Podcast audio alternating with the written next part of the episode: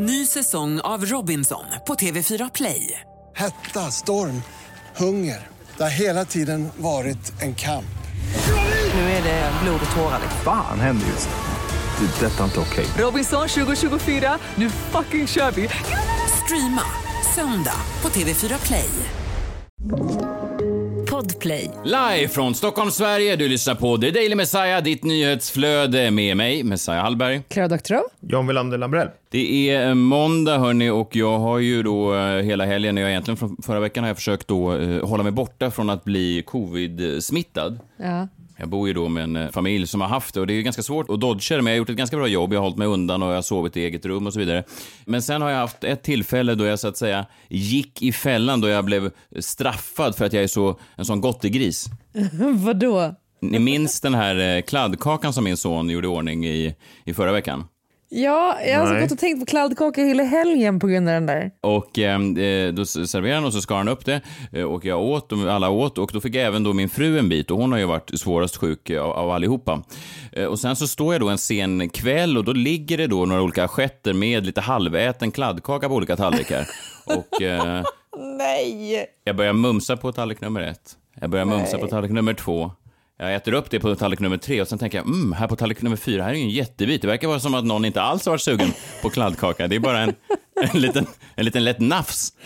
Och sen så trycker jag i den i munnen och i samma sekund, ni vet som i filmen eh, med Kevin Spacey när det uppdagas att det är han som ligger bakom allting, de misstänkta. När liksom allt går i slow motion, då rusar jag in till min fru som ligger och sover och säger Åt du någon kladdkaka? Åt du någon kladdkaka? Och hon vaknar med, jag tog bara en liten nafs och då har jag alltså satt i mig min frus bakteriehärd. Du är som George Costanza i Seinfeld när han äter mat från soporna.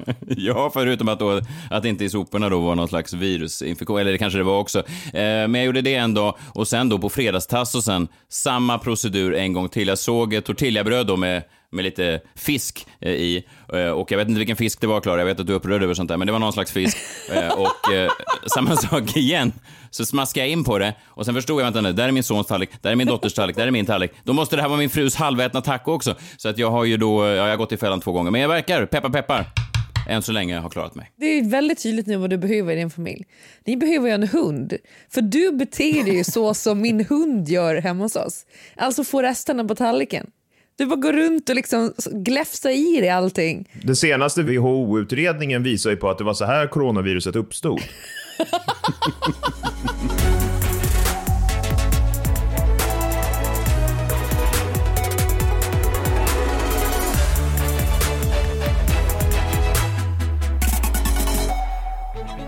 Ha, hur har ni klarat er i, i krigstider då?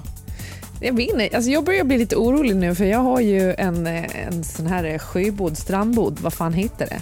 Precis där liksom all ström kommer in till Gotland. Ja just det, du har ju, du har ju ett hus där på ganska nära Visby. Ja. Alltså elledningen går upp till ett elverk som ligger precis bakom där jag har mitt sommarställe. Så jag tänker nu att det kanske, alltså jag vill tro att ryssen ändå vill ha infrastruktur när ryssen kliver i land på Gotland och då inte bomba min sjöbod. Men har jag otur så tänker de att de bara, för det, nu, det senaste man har läst nu är ju att de bara vill fucka lite liksom. De vill ställa till det lite i Europa och de vill, de vill inte att Sverige och Finland ska gå med i NATO och lite sådana grejer. Jag hörde då han den förre, vad fan var han, var det någon minister, någon rysk minister som hade gått ut och sagt att, att eh, vi kommer att slå ut några viktiga liksom, eh, sådana militärmål eller vad man ska säga. Och då är ju mitt sommarställe ett av dem. Det är ju fucked. Jag kommer ha ved kvar där nere. Det är en märklig tid. Nu tror inte jag att det kommer bli krig, men däremot så kan man ju säga så här att, att det, vi har pratat om det tidigare i, i, i podden, att alltså, vissa människor verkar ju avfärda det bara som att ja, men det är inte så här ett krig uppstår. Det är inte, men jag menar, det är ju exakt så här krig uppstår. Alltså, folk har ju gjort vardagliga saker under alla tider när krig har uppstått. Det är, ingen, det är lite som att folk bara, nej, de kan inte invadera nu, jag har ju en potatisgratäng i ugnen. Det är, det är inga, inga världskrig som, som startar med en potatis... Alltså, Alltså så var det ju i Polen 39 också, att folk Ja. stod och hängde tvätt och sen kom Hitler och knackade på. Det är inte som att det kom ingen dramatisk musik i bakgrunden innan invasionen.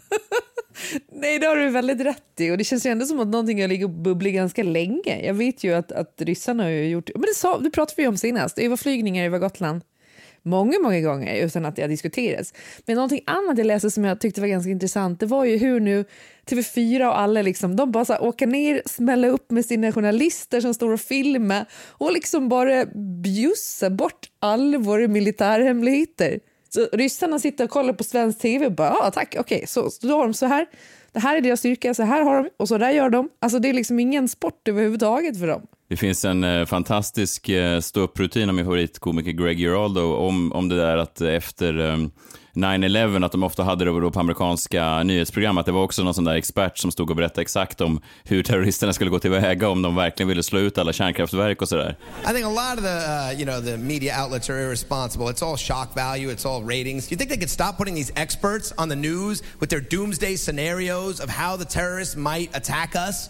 Because you get the sense that they're coming up with ideas that these people haven't thought of themselves.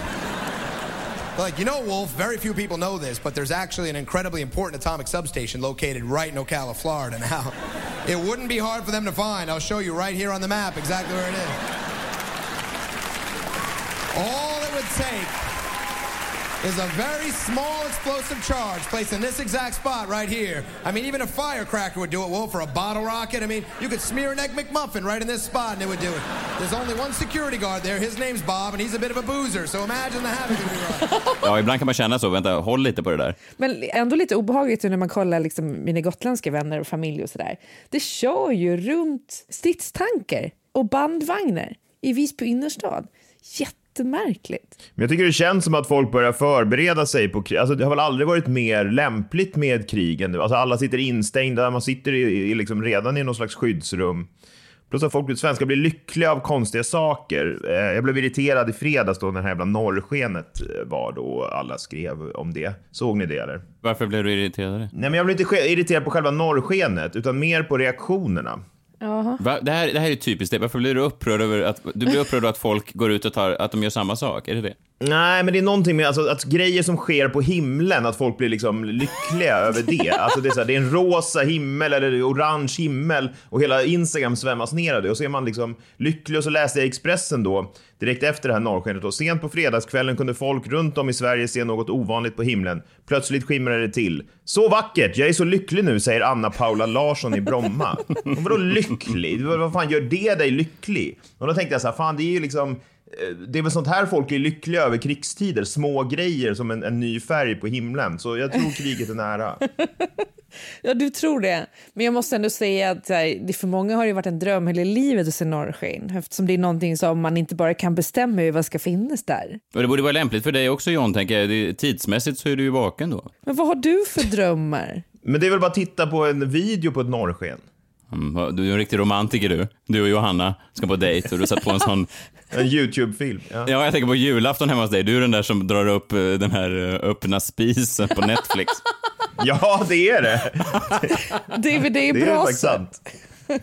Kom älskling, man kan nästan känna värmen tycker jag. Ja, men man får ljudet också. Det är så smart. De har ljudet av en brasa i själva filmen. I övrigt då, jag såg eh, den här dokumentären om eh, Einar, eh, rapparen, 19-åriga rapparen som mördades, ja i fjol är det nu, jag är fortfarande lite ovan vid att säga att det blivit, jag är lite efter, det är, jag, jag slås av det dagligen att, skitsamma det handlar inte om mig, Einar blev mördad och den här dokumentären la de upp då på SVT, en ganska kort, kanske lite hafsigt ihopsatt dokumentär, men ändå en ganska eh, fin, stämningsfull bild av vad han hann med då på de här 19 åren som han levde. Den heter eh, Einar, eh, 2002 till 2021. Är det någon som har ögnat igenom den? Ja, jag såg den. Men visst, det är väl svårt att göra en dokumentär så snabbt. Så nej, men jag tyckte väl den var såklart sevärd. Det som har blivit lite av en snackis då, det är då när eh, de har intervjuat hans eh, producent. Eh, för att det var ju så att Einar, han kidnappades, det som var då rättegång förra året, eh, som fortfarande pågick när han mördades, märkligt nog. Och då eh, efter kidnappningen så, så pratade han då med sin producent om vad han skulle göra för nästa steg, hur han skulle hantera det här. Och då sa hans eh, producent eh, så här. Jag minns att jag sa till honom, jag var så här, ja, jag vet att det är svårt, men tyvärr så är det här som all, det, är liksom, det är det här alla pratar om just nu. Och eh, liksom folk, ja, folk gör sina egna bilder om det, hur det var, vad som hände allting. Så då var liksom, men om det är något du vill säga, då gör det genom en låt och gör det bra. Han sa då att eh, Einar, vad fan, det här, det här tror jag, det här är en låt. Det är ju, jag fattar ju att han sa så, men jag menar det blev ju också, alltså alla låtar han gjorde indirekt, nu vet man ju inte exakt mordmotiv, men man kan ju i alla fall misstänka att det hade med, med så att säga mordmotivet att göra. Alla de här, alla, ja men de har ju, om man analyserar texterna så är det ju ganska direkta personangrepp och sådär. Det finns ju något sorgligt i att det som också gjorde eh, innan framgångsrik var ju att han berättade om sin verklighet, men att det också sen till slut ledde till hans död. Jag vet inte vad han skulle ha gjort med det här. Alltså, har inte, konstnärer har väl i alla tider använt det som har hänt till dem som bränsle till deras diktning och sådär. Så att det är ju, Mm det är ju, jag vet inte, det här moraliska som folk kanske säger, så här, har den här producenten, vad är han för person egentligen? Vad är det för fel på honom? Så här har ju han, hiphopen speciellt hanterat allting i alla tider, så att det kanske var lite, jag vet inte, lite väl eh, blåögt att- tänka att producenten skulle säga, nu, det här nämner vi ingenting om. Nej, men, eh, där har du någonting, för jag tänkte på det, jag lyssnade på han eh, som hade skrivit boken om Avicii häromdagen, Tim Berling. Och han var inne på just det här om eh, Tims eh, relation till Ash. Och när man sitter nu med facit i hand och vet vad som hände, då har det varit lätt, för att Ash fick ju så jävla mycket skit efter Tim hade gått bort och att han hade liksom pushat honom för mycket och så. Men enligt då den här författaren till boken så var det inte riktigt så det liksom låg till. Utan Tim hade själv typ eh, en tid före då han gick bort eller liksom tog livet av sig nått ut till Ash igen och ville liksom börja jobba med honom igen. Eh, och de liksom drev på varandra väldigt mycket. Och så kan man ju tänka lite nu också, så här, min första instinkt när du berättar, eller när man hör klippet, liksom, är bara så här, "Ah, fan vilken idiot. Men sen inser man ju att så här, ja, men han utgick ju inte från att det faktiskt skulle hända. Nej, det är ju kanske förväntas sig också lite väl mycket av en hiphop-producent att han ska ha liksom en enorm konsekvensanalys av exakt det de spelar in i studion. Så, här. så att jag tycker det är lite, mm, lite överdrivet. Men såklart att det finns någonting eh, djupt tragiskt i och också om man ser dokumentären, lite som du och jag pratade om John, att, att han i slutet av den mm, pratade i någon intervju innan att han, skulle, att han kollade på villor och ville försöka ta sig ur det där livet och eh, så blev det ju inte. Nej, och jag menar musikproducenter i alla genrer säger väl sådär att skriv om det du, alltså det är väl här write what you know och allt det där. Alltså man skriv om det du känner för, att det ska vara äkta och sådär. Så det, för- för mig lät det som ett ganska så här generellt producent producentråd, tänker jag. Och jag håller med där, man ska ta det lite, om, om han får skit nu så tycker jag att man ska ta det lite lugnt med honom. Ja, jag håller med det.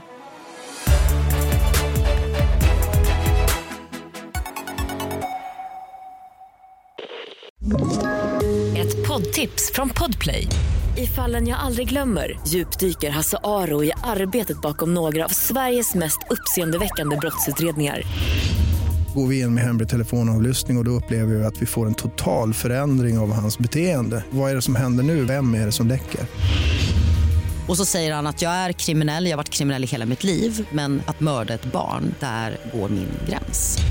Nya säsongen av Fallen jag aldrig glömmer på Podplay.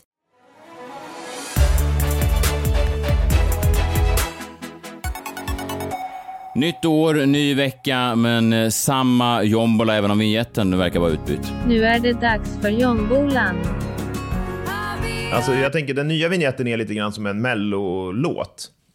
Alltså man hör den eh, första deltävlingen i Leksand och man tänker liksom att ja ah, men den här, den här hade ingenting. Men den, den skrapar sig vidare till, till andra chansen eh, och sen så hör man den i andra chansen i Jönköping och tänker jo då, men den här hade någonting eh, ändå. Och sen eh, går den till final och vinner. Ja, eh, Robin Stjernberg. ja. Exakt. Min jingel är Robin Stjernberg. Ja, fast utan, utan melodi och- sång, sången. Sången finns väl? Och melodin, vad menar du? Ja, men, jo, jo, men om man tar bort First Aid Kit så är det bara eh, din flickvän som säger det här i jombolan. Ja, det är ju inte min flickvän då, då utan det är en... Hon pratar ju exakt sådär. Exakt alltså. Nåväl, kör gingen nu! Nu är det dags för Jombolan.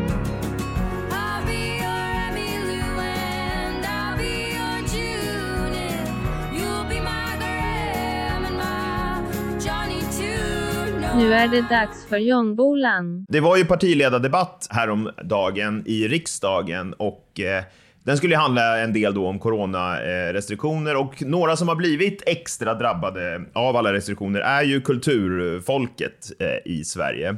Konserter ställs in eh, och eh, ja, men teater tvingas stänga och så vidare.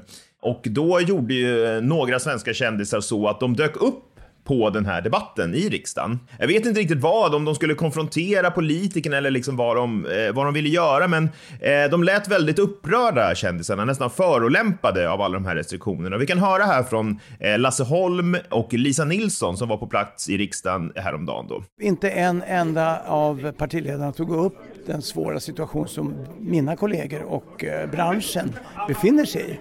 Och eh, det är, vi är här bara för att markera vår närvaro kan jag säga. Inte för att ställa oss upp och säga saker utan för att vi, eh, vi är inne i en djup kris i vår bransch igen. Jag tror att det finns andra åtgärder man kan göra som till exempel att stärka vården istället för att hela tiden låta kulturbranschen, vi har drabbats väldigt hårt och vi får så att säga kompensera för smittspridningen väldigt hårt. Det där var Lasse Holm och Lisa Nilsson då när de intervjuades eh, direkt efter partiledardebatten. Och det låter väl rimligt sådär, varför ska kulturbranschen eh, drabbas eh, särskilt hårt och så vidare? Men det är ändå två frågor som dyker upp i mitt huvud när jag tittar på intervjuerna här eh, efter och det första är Orkade kändisarna ens följa själva debatten? Vi kan höra komikern Per Andersson som också var där. Jag måste säga att rent, rent artistiskt var det otroligt tråkig eh, debatt. men jag reagerar på att de eh, inte, jag tror inte de jag tror de inte pratat om kulturen en enda gång. Trots att Per Andersson var på plats under hela debatten så kan han inte säga säkert om de pratade om kulturen eller inte. Så det är lite osäkert om de verkligen hängde med där. Men min andra fråga som dyker upp är vem fan betalar Peter Sipen flera hundratusen kronor? Ja, jag hade precis eh, kommit igång. Jag har förlorat jobb här nu för flera hundratusen egentligen på någon vecka. Så att, ja, det är, jag är bakbunden och eh, frustrerad. Oj! Oj, men det måste vara DJ-gig då han menar, eller vad gör han annars? Ja, men jag gör också DJ-gig, men fan inte för några flera hundratusen. Vilken krog betalar det? Och bara för några veckor, i januari? Jag vet inte. Det är ju alltid så när de får tag i någon sån här, även Peter Sipen är i alla fall ett namn man känner till, men det är ju alltid så om man googlar, det fanns någon, någon, någon DJ som heter så här Kenneth Larsson som bara, nu har jag förlorat 800 000 här på en vecka. Man tänker så här, överdriver ni? Nej men det var ju innan jul här, precis när restriktionerna kom. Det går så snabbt för dem att förlora allt på en gång och, och det är enorma pengar. Det är liksom mer pengar än jag tjänar på flera år har de här okända DJsarna precis. Jag undrar om de ljuger. Men eh, de här kändisarna är ju väldigt upprörda, det hör man ju. Och eh, först tänker jag, ja men de låter nästan lite förolämpade. Och då tänker man, men det måste ju vara på grund av de här restriktionerna. Men sen så ser jag klart intervjuerna, men speciellt då Lasse Holm och Lisa Nilsson där de står utanför riksdagen och då inser jag vad det är som har hänt. Vad är det? Jag tror inte de är upprörda eller förolämpade för att de inte tas på allvar av politikerna eller att de förlorat jobb på restriktionerna. Jag tror att det är för att de inte blivit igenkända. Ni mötte ju Magdalena Andersson på vägen in här. Vad, vad sa hon till er? Ja, hon sa faktiskt, vilken bransch tillhör ni? Jag känner inte igen er. Nej, och då stod Lisa Nilsson precis bredvid mig. Men det är också fint att hon faktiskt ville stanna utan att känna igen oss. Ja, det där är ju en diss alltså. Det där smärtar ju mer i en artisthjärta. Ja, men jag tror nästan det. Jag tror, jag tror att de försöker att låta lite loosey-goosey, som att de inte bryr sig här. Men så tänker jag, ja men de kanske släpper det här då. Hon kände inte igen dem, so what? Men strax därefter så börjar Lisa och Lasse att försöka leta svar. För det kan ju verkligen inte bara vara så att Magdalena inte kände igen dem. Det måste ju finnas någon annan förklaring, eller hur? Vad, vad tänker du om det? Att statsministern inte känner till eh, ni som är här? Nej, men jag kan ha lite förståelse för henne. Hon var tunnelseende på sin första partiledardebatt. Jag ska inte döma henne, men, men det var lite roligt tycker jag. Det var lite roligt. I vanliga fall har vi liksom toperade frisyrer och, och galasmink. Nu hade vi mössorna dragna hit och stora jackor. Nej, för det kan ju inte vara så att Magdalena Andersson bara inte vet vilka ni är. det, är liksom, det finns inte ens idéer i Lasse Holms huvud. Det finns ju en, en möjlighet att, att Magdalena Andersson inte såg någon av de där säsongerna och siktade mot stjärnorna. För 30 år sedan. Just det. Ja, men hon har tunnelseende och de hade jackor på sig. Och, ja. Så inte nog med att regeringen har infört restriktioner på de stackars kändisarna. Nu känner de inte ens igen dem.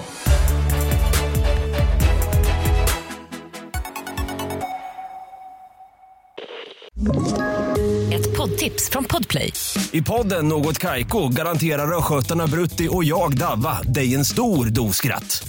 Där följer jag pladask för köttätandet igen. Man är lite som en jävla vampyr. Man har fått lite blodsmak och då måste man ha mer. Udda spaningar, fängslande anekdoter och en och annan arg rant. Jag måste ha mitt kaffe på morgonen för annars är jag ingen trevlig människa. Då är du ingen trevlig människa, punkt. Något Kaiko, hör du på Podplay. Därför är gardinerna.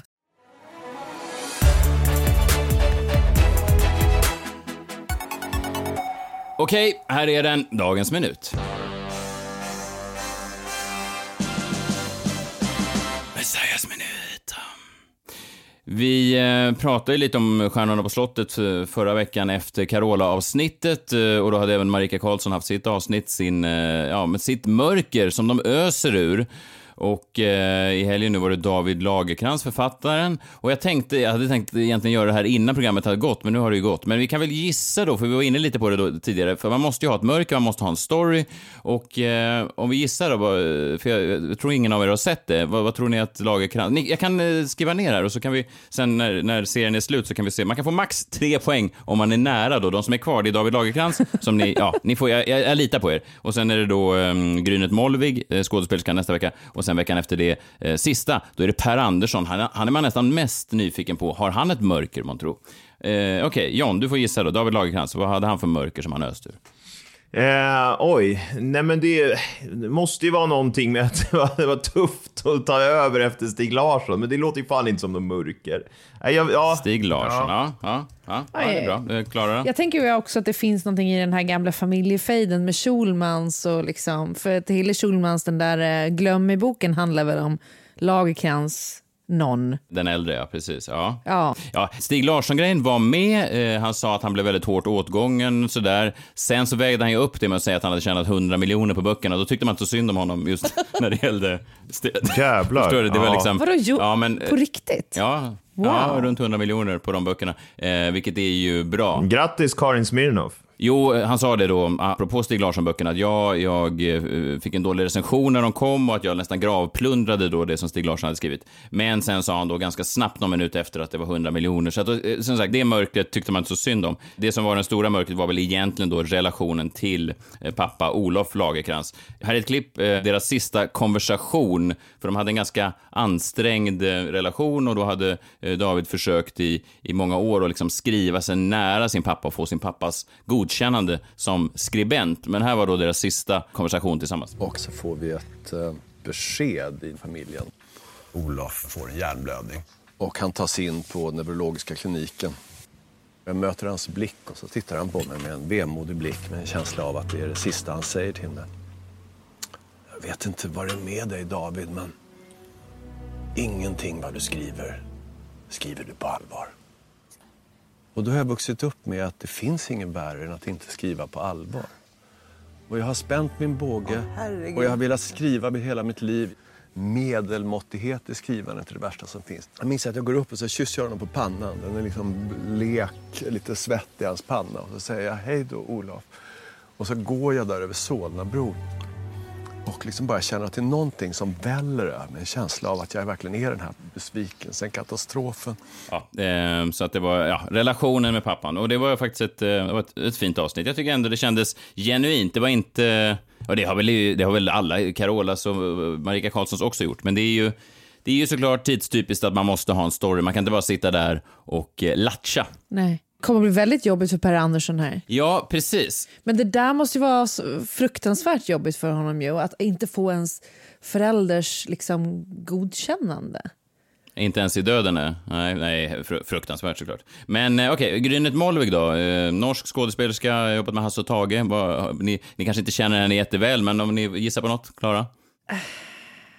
Ja, att det var jobbigt för henne att vara en sexsymbol kanske. Sexsymbolklassiker. John då? Att hon tvingades vara mördaren i Cluedo. Jag älskade Cluedo på TV4. Jag tyckte det var... Ja, Jag med, jättespännande. Ja. Jag såg eh, tillbaka något, eh, det finns på YouTube och kollade på det och tänkte det där var ju så bra. Och då, vilken skit det var. Det höll inte. Nej. Men också det är roligt att du tror att Cluedo ska kunna hålla. Det är jätteroligt. Nej, jättemärkligt. Nej. Du trodde att det var sån odödlig klassiker som Citizen Kane eller Ben Hur. Trots tekniska dåtida begränsningar ändå hade en sån stark grundstory. Jag hade för mig att mysterierna var liksom spännande. Men sen kom jag ju på, jag var ju liksom åtta år när jag tittade på det. Ja, jag tror det hade premiär 95 och kan det vara då? 10 Ja, men år? 10, Nej, så det, jag vet. Man ska inte se om gamla program. Okej, och så sista då, mest spännande Per Andersson, vad tror ni? Jag kan gissa själv. Jag kan jag slänger in mig själv i tävlingen här. Jag tror att det är någonting med jag har ingen aning, jag är helt blank. Jag, vet, jag har träffat Per massa gånger, jag har aldrig anat ett mörker. Men eh, vad, vad tror ni? Alltså jag tror att det antingen har någonting med hans sexualitet att göra alternativt att, han faktiskt har mördat någon. Oj, det var, vad sa du? Att han var, att han var gay eller mördare? Nej, jag vet inte om han är gay. Men jag kanske, eller jag skulle kunna tänka mig att han är helt asexuell. Oj. Och att han väljer han att berätta då framför de andra när de äter en sån toastskagen. Han har aldrig förstått sex, liksom. En sån grej. Blir, tror du inte det blir spänt kring bordet? Att, att när Tarek Taylor kommer ut med en sån pistagemos och så är mitt att... Att Per Andersson precis avslöjat att han aldrig har förstått sexualitet. Vad han ska göra då rent fysiskt. Och, och vad ska de andra säga då? Nej, det är inte så lätt. Carola får visa. Grynet Målvik ledde sig rollen som sexsymbolen från Cluedo. Mördande sexsymbolen. Okej, ja, och John då, har du någon gissning? Ja, men jag, tänkte, jag kanske varit mobbad eller någonting. Ja, mobbning, ja. det- det skulle faktiskt också... Eller typ att han har uppväxt med någon slags eh, våld i nära relationer. För jag tänker att eh, det finns en sorg där. Det det är clownen gråter. Det är någon sån känsla man har med Per Andersson. Ja, men frågan är då, är han medveten om det? Alltså kan han själv framkalla det på det sätt som David Lagercrantz uppenbarligen har analyserat? Det är ju det som är intressant. Såklart att det finns någon slags sorg i folk som alltid skojar.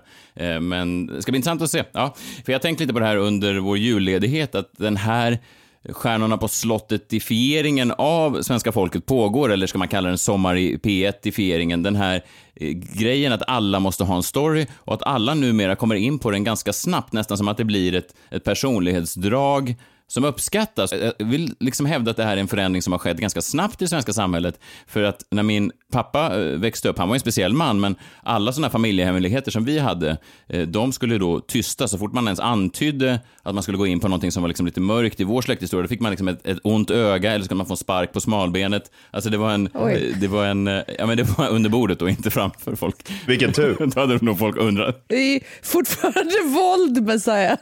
Är det det? Våld som sker under bordet är inte våld. Ja, jag mördade henne, men det var ju under bordet.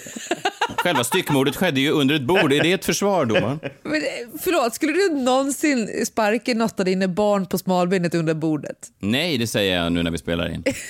Ja, nej, men, nej, och när, precis när han skulle då eh, inför sin död så tvingade han eh, sönerna att strimla alla hans dokument i en sån dokumentförstörare och sånt. Han var, men jag menar bara att, och, eh, ja, han var speciell, absolut. Jag säger inte att alla sparkade folk under bordet. Är det här ditt mörker nu vi hör? Ja, det är det verkligen. Nej, det här, är, det här berättar jag som en, en kul, det kanske säger något om mig, det här är en kul anekdot i min historia. Jo, men jag menar bara, jag, jag tror generellt sett att svensken höll hemligheterna nära bröstet. Jag tror att det var ett sätt som svenskar hade, att man pratade inte så mycket om konstiga släktingar. Det var, om, om vissa släktingar inte dök upp på julmiddagen så var det bara att ja, farbror Torbjörn är lite trött, så han vill inte komma i år. Det var ju inte att han hade börjat med heroin igen. Alltså, ju, jag tror inte det var så. Men nu är det ju nästan så att alla, inklusive barnen, sitter och pratar om farbror Torbjörns heroinhistorier. Nästan för att det gör en hel som person. Min fru brukar ofta prata om det där att det är så trevligt när någon ganska snabbt går in på det där för att det bryter ner ytan på en människa.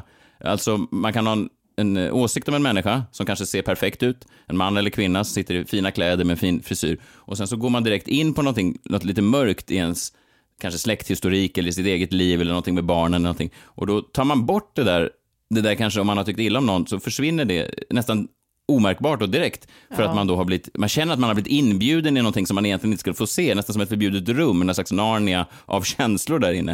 Eh, Och jag har sett det där överallt. Alltså, eh, julmiddagarna gick jag på innan, innan vi gick på julledighet, jag hamnade bredvid någon som direkt började säga så här, "Ja, jag håller på att skilja mig här från min man och berätta massa svagheter kring honom och, och, och julborden med släkten, då var det också så där Eh, någon släkting som precis har börjat missbruka tabletter och det började hon berätta direkt. Och, och eh, även nu när jag var uppe i Sälen så satt jag med folk och de berättade om barn som var sjuka och det var eh, massa olika liksom, tillstånd som man i normala fall, tänker jag mig i Sverige för 20 år sedan, inte ens hade nämnt. Nej. Men nu är det nästan som att det är en det är nästan som att alla är med i Stjärnorna på slottet och när man frågar hur mår du så säger folk inte längre bara det är bra, utan, utan de går in i, Detalj. i det djupaste och det mest privata. Ja, Ja, det låter ju... Jag vet inte om jag gillar det riktigt. Är, det kanske trenden då vi spår för i alla fall det här kommande året att det borde bli tvärtom?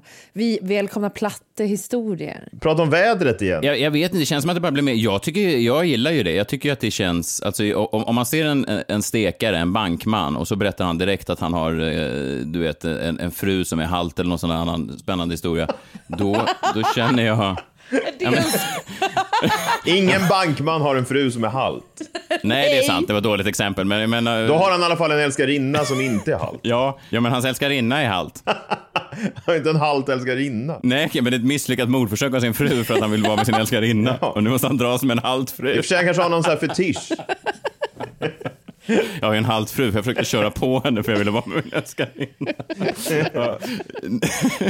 Nej, men jag tycker att det finns någonting i det. Jag tycker att min fru har rätt där. Det gör någonting med en. Och, och eh, en av mina favoritförfattare eh, dog eh, dagen innan julafton, Joan Didion. Och hon skrev hennes mest kända rad, det är We tell ourselves stories in order to live. Alltså för att kunna leva berättar vi historier för oss själva. Och det är som att alla går runt och funderar hela tiden på vilken är min historia och hur kan jag på mest marknadsföringsvänliga sätt ge den här till min, eh, ja, min okända bordsgranne redan innan fördrinken har kommit in. Och jag, jag tycker att det är slående att så många gör det överallt i hela Sverige just nu. Ja. Och jag undrar vad, vad det beror på, om det är så att det är som ett skuggsamhälle påverkat av det som sker i medierna. Jag tror det är 100 procent. Vi har blivit så rädda för att vara platta.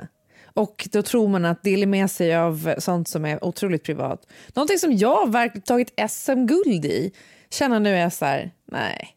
Det är, jag förstår inte eh, varför det skulle angå människor. Nej, fast jag, jag faktiskt, jag, jag, tycker att det är trevligt. Jag tycker att, jag, jag, förstår åsikten att man tycker att det är för privat och så, men det ger mig ändå, jag tycker mer om människor när de blottlägger sig på det sättet. Och det är som att de här två samhällena växer upp lite i parallellsamhällen här då. Vi har dels då det här Stjärnorna på slottet-samhället, sen har vi då de andra som aldrig berättar någonting personligt överhuvudtaget, men de låtsas att de gör det, och det är då TV4 Sverige. Ja. Där programledarna, Per Lernström, David Helenius och så vidare, de har ganska många sådana här ögonblick per år där de talar ut om någonting, men det är aldrig någonting som är på riktigt. Vi pratade tidigare här om när Per Lernström firade, var det tio år som Idol-programledare? Tio år som anställd. Ja, och, och, då, och då spelades det sorglig musik och han satt och grät. Och då tänker man så här, fast det här är ju inte blottläggande alls. Men de, alla på TV4 agerar som att det är ett blottläggande. Det är därför de stoppar in alla de här cancergalorna i tablån. För att där är det i alla fall en story där deras programledare själva slipper blottlägga sig. Utan det, de kan fortfarande vara de här glada gamängerna, men de liksom rör sig i, i en sfär av sorg och öppenhet. Så att de kan liksom, de lurar folk att tro att de är en del av den här Stjärnorna på slottet, men egentligen är de bara reklamkrängarna på TV4. Och tänker du att det är så Per Andersson är då? Nej, nej, jag tror inte att Per Andersson är en kommersiell, putsad, polerad produkt. Jag tror att Per Andersson bara kanske jag vet inte. inte jag, vet, det ska bli kul. jag vågar inte uttala mig. Vi ser hans Stjärnorna på slottet eh, och eh, så kan jag uttala mig efter det. Men jag har ett exempel här på eh, hur TV4 gör när de också vill, så att säga, Stjärnorna på slottetifiera sig själva. Här är då. Per Lernström inför den nya säsongen av Talang. Och lägg märke till allvaret i rösten som Per har här, kontra då, det står i kontrast med ämnet som han pratar om. Hörni, eh, det är snart dags för en ny eh, talangsäsong eh, och det är första gången på tre år som jag gör det här själv utan Samir Badran vid min sida. Det känns förstås lite, lite sorgligt och vi önskar honom ett stort lycka till i allt det som han gör framöver. Men jag vill också vara tydlig med att säga att jag kommer sakna dig Samir väldigt mycket vid min sida. För det som jag tror att vissa tittare kanske inte riktigt förstår, är hur mycket du gör för det här programmet. Din energi smittar på alla människor runt omkring dig och jag hoppas verkligen att du och jag får jobba tillsammans någon gång mer. Jag älskar dig. Ja, Samir Badran. Oj. Mm.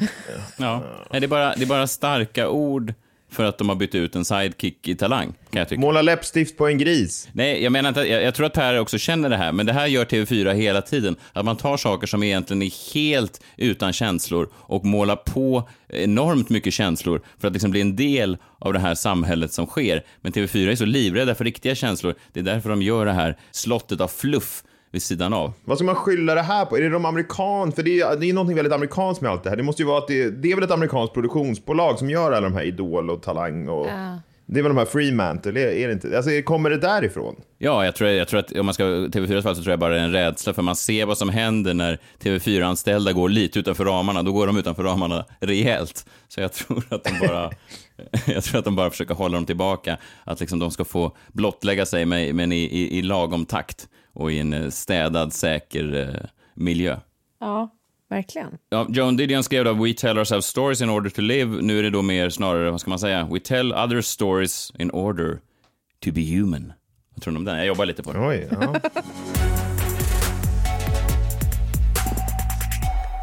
Klara Doktorov, eh, tänkte du eh, dra något öppet brev idag? Har du skrivit något eller? Jag vet att du har varit lite, lite gravid på sistone. Ja, men det har jag varit. Men i- idag så tänker jag att vi ska avhandla en gammal kärlek till mig.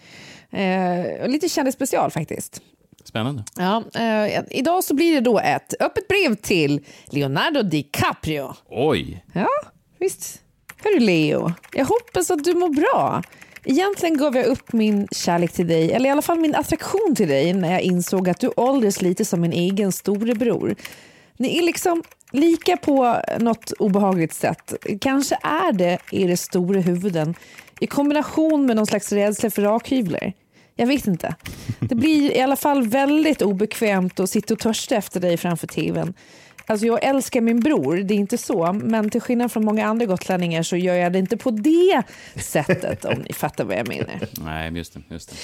Men Leo, jag blev liksom ändå väldigt besviken här i helgen när jag läste att du då som är en good guy och klimatkämpe tillbringade semestern på din kompis sån här eh, jättestora lyxjott. Jag såg att den kostade cirka en miljard att köpa och om man ska tanka den full då kostade det tre miljoner. Åh herregud. Ja.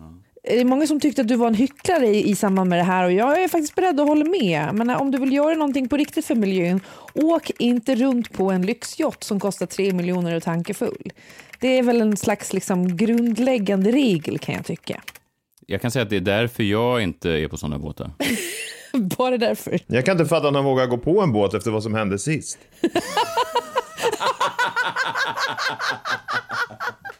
Men någonstans inom mig har jag fattat att det är något fel i huvudet på dig Leo DiCaprio. För män över 40 som umgås så mycket med sina mammor och bara dejtar casual och vägrar skaffa familj, de är det oftast något fel på. Jag säger inte att du påminner om Leo DiCaprio John, men du kommer vara där och nosa snart. Jaha.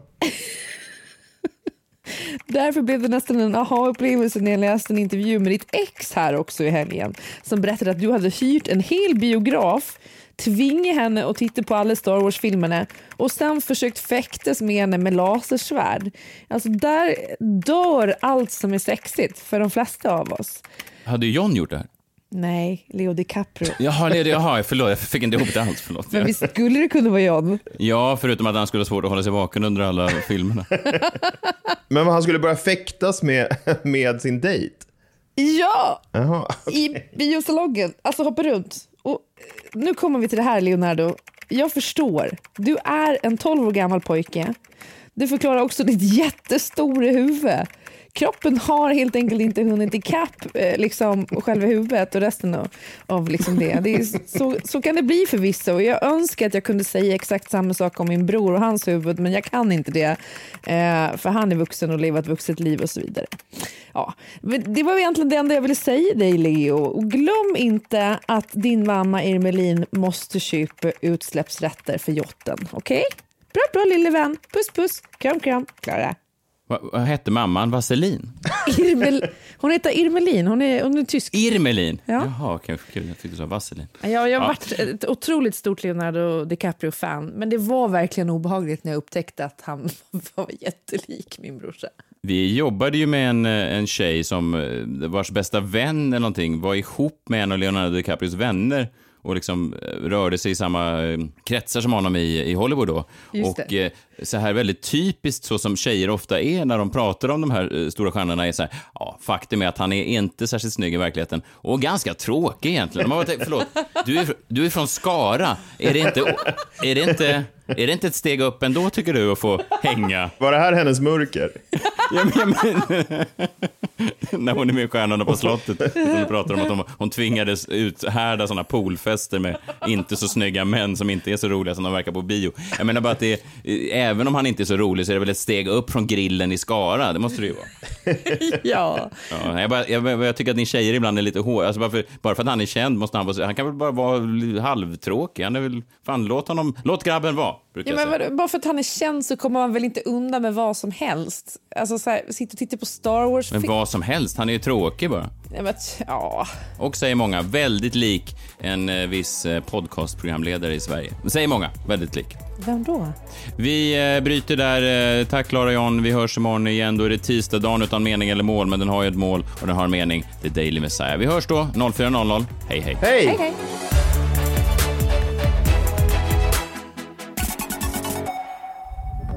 Podplay, en del av Power Media. Ett poddtips från Podplay. I fallen jag aldrig glömmer djupdyker Hasse Aro i arbetet bakom några av Sveriges mest uppseendeväckande brottsutredningar.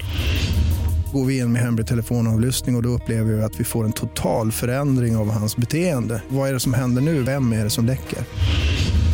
Och så säger han att jag är kriminell, jag har varit kriminell i hela mitt liv men att mörda ett barn, där går min gräns. Nya säsongen av Fallen jag aldrig glömmer på Podplay.